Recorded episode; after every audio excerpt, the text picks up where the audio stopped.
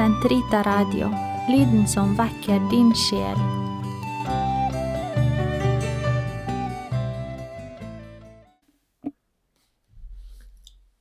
Den katolske kirkes katekisme, uke 38, søndag, paragraf 2846 til 2854.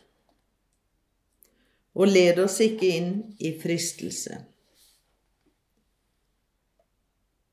Denne bønnen angriper roten til den som går forut. For våre syndere er frukt av at vi har gitt etter for fristelser. Vi ber vår Far om ikke å lede oss inn i slike.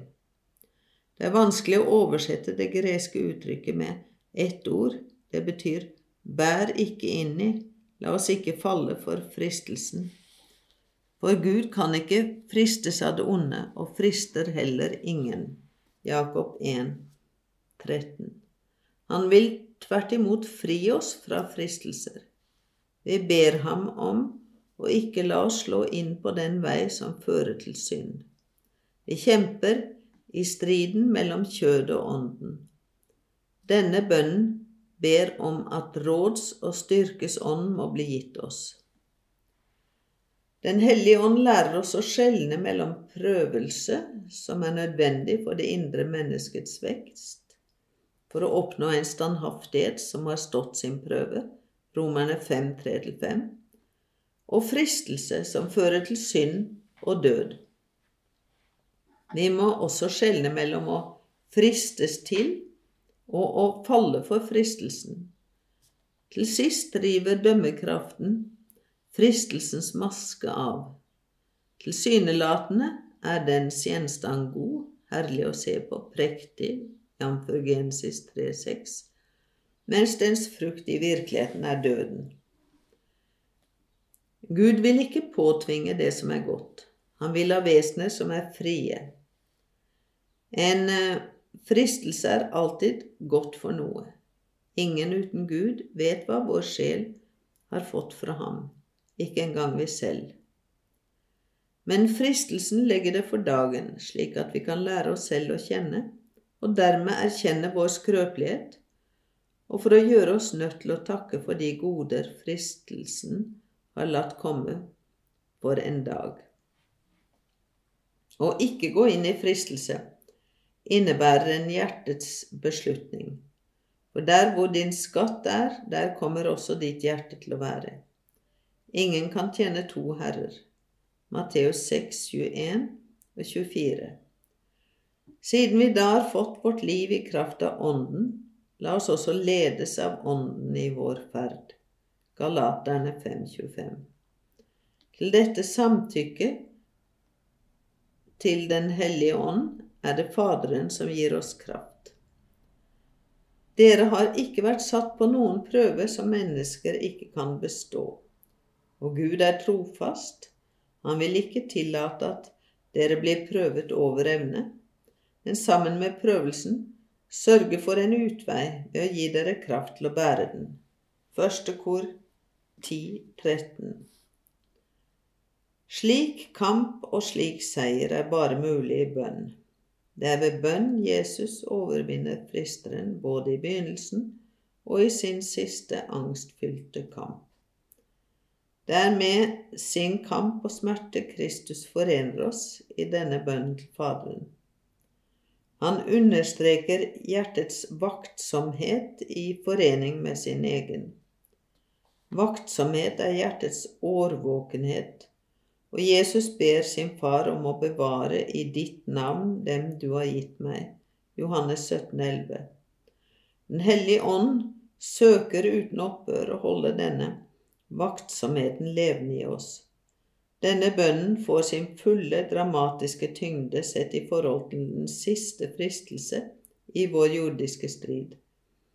Den er en bønn om å holde ut inntil enden. Se, jeg kommer som en tyv. Salig den som våker.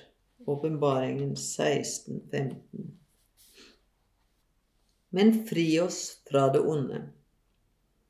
Vår siste bønn til Faderen bæres også opp av Jesu bønn.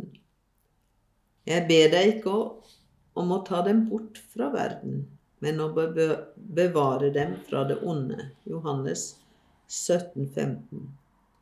Den angår hver og en av oss, men det er fremdeles vi som ber i fellesskap med hele Kirken og for hele menneskeslektens befrielse.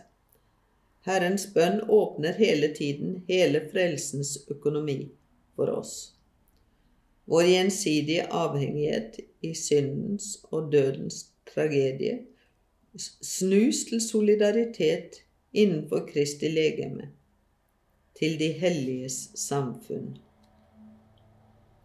I denne bønnen er det onde ikke noe abstrakt, men betegner en person, Satan, den onde, engelen som står Gud imot, djevelen, diabolos er den som legger seg imellom Guds plan og hans frelsesverk, utvirket i Kristus.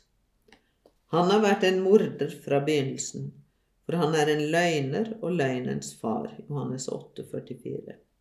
Satan er hans navn, han som fører hele verden vill. Det er ved ham synden og døden kom inn i verden, og det er ved hans endelige nederlag at all skapningen skal bli forløst fra synden og døden. Vi vet at den som er født av Gud, synder ikke, for Guds sønn bevarer ham, og den onde kan ikke røre ham. Vi vet at vi er av Gud, mens hele verden ligger i den ondes makt. 1. Johannes 5, 18-19. Herren, som har tatt bort deres synd og tilgitt deres synder, er i stand til å beskytte og verne dere mot djevelens anslag han som står dere imot, slik at fienden, som er vant til å avle synd, ikke kommer uforvarende over dere. Den som stoler på Gud, frykter ikke demonen. Hvis Gud er for oss, hvem kan da være mot oss? Romerne 8, 31. Seieren over denne verdens fyrste, Johannes 14, 30, ble vunnet en gang for alle i den time da Jesus frivillig ga seg i dødens vold for å gi oss liv. Da ble verden dømt, og denne verdens fyrste støtes ut. Johannes 12, 31, Åpenbaringen 12,11. Han som forfulgte kvinnen, får ikke tak i henne. Den nye Eva, full av Den hellige ånds nåde, er satt fri fra synden og, synden og dødens forgjengelighet.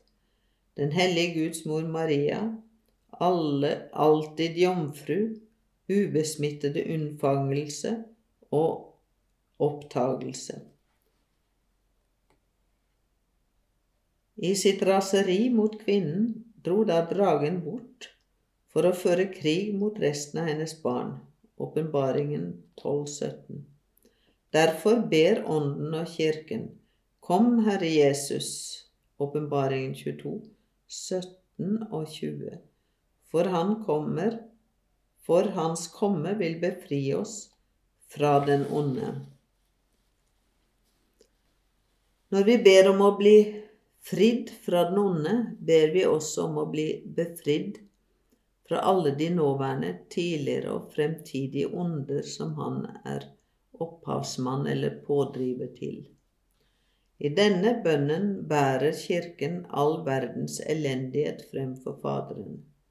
Sammen med befrielse fra alt det onde som tynger menneskeheten ned, nedber den fredens kostelige gave og nåde til i utholdenhet og vente på Kristi gjenkomst. Ved å be slik foregriper den i troens ydmykhet alt og alles gjenopprettelse i ham som har nøklene til døden og dødsriket i sin makt. Åpenbaringen 1.18.